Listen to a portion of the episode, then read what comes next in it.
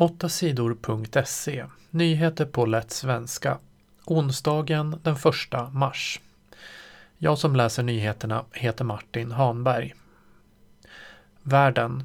Olycka med tåg i Grekland.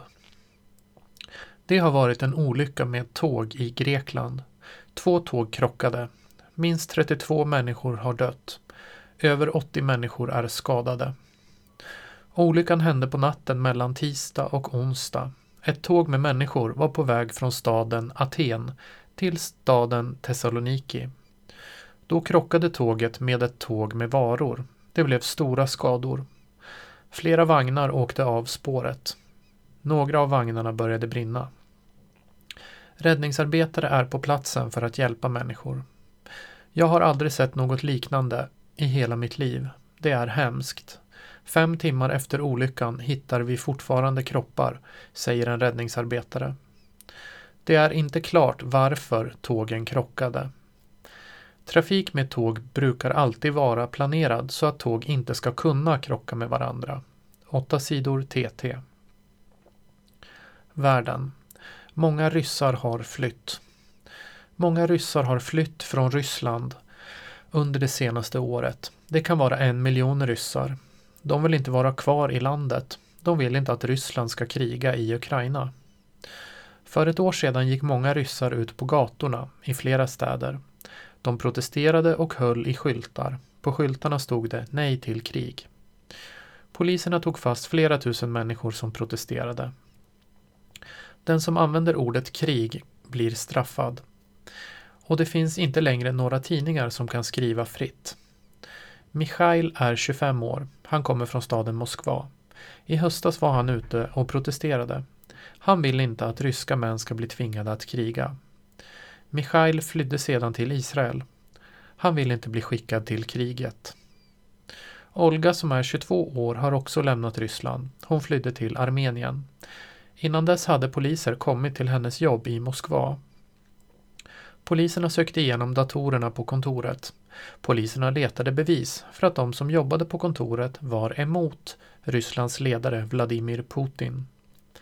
Många ryssar vågar inte säga vad de tycker. De är rädda för att de eller deras familjer ska bli straffade, säger Olga. 8 sidor TT. Sverige. Många har anmält domen. Det har blivit bråk om en dom i en domstol. Bråket handlar om ordet snippa. Domarna i domstolen förstod inte vad ordet betyder. Därför friade de en man från våldtäkt på en flicka. Över 80 personer har nu anmält domstolen hovrätten i Göteborg. Det är myndigheten Justitieombudsmannen, JO, som har fått anmälningarna. JO jobbar med att kontrollera att domstolar följer lagarna. De som har anmält tycker att domstolen har gjort fel. De som anmält tycker inte att domstolen har följt lagen om barns rättigheter, barnkonventionen. Lagen säger bland annat att vuxna ska lyssna på barn och försöka förstå vad barn menar. De som har anmält vill att det blir en ny rättegång. Allt handlar om att en man är misstänkt för våldtäkt på en flicka. Flickan sa att mannen hade rört på hennes snippa och i hennes snippa. Men domarna som jobbar i domstolen säger att de inte kunde veta säkert vad flickan menade. Domarna kollade i en bok som heter Svensk ordbok för att få veta vad ordet snippa betyder. De tyckte då att snippa inte kunde betyda inuti flickans snippa. Därför blev mannen friad från våldtäkt mot barn. En annan domstol hade tidigare dömt mannen för våldtäkt mot barn. Den domstolen tyckte inte att det var svårt att förstå vad flickan menade.